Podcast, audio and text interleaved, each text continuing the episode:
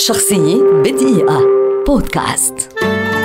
إدسون أرانتس دو ناشيمنتو أو بيلي. جوهرة كرة القدم في البرازيل والعالم.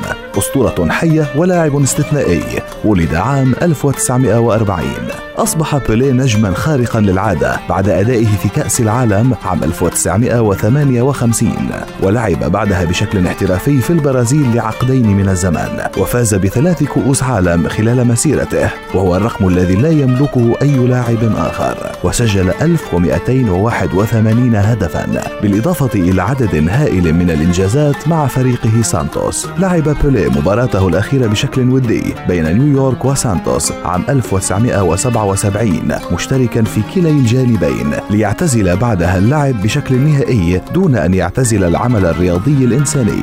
فقد حصل عام 1978 على جائزة السلام الدولية International Peace Award لعمله مع اليونيسف كما شغل منصب وزير الرياضة الاستثنائي للبرازيل وسفير الأمم المتحدة للبيئة وسمي لاعب القرن من قبل الفيفا عام 1999 وهو سفير عالمي لكرة القدم وغيرها من القضايا الإنسانية ورمز من رموز المحبة والسلام واللعب النظيف حتى يومنا هذا. شخصية بدقيقة. بودكاست.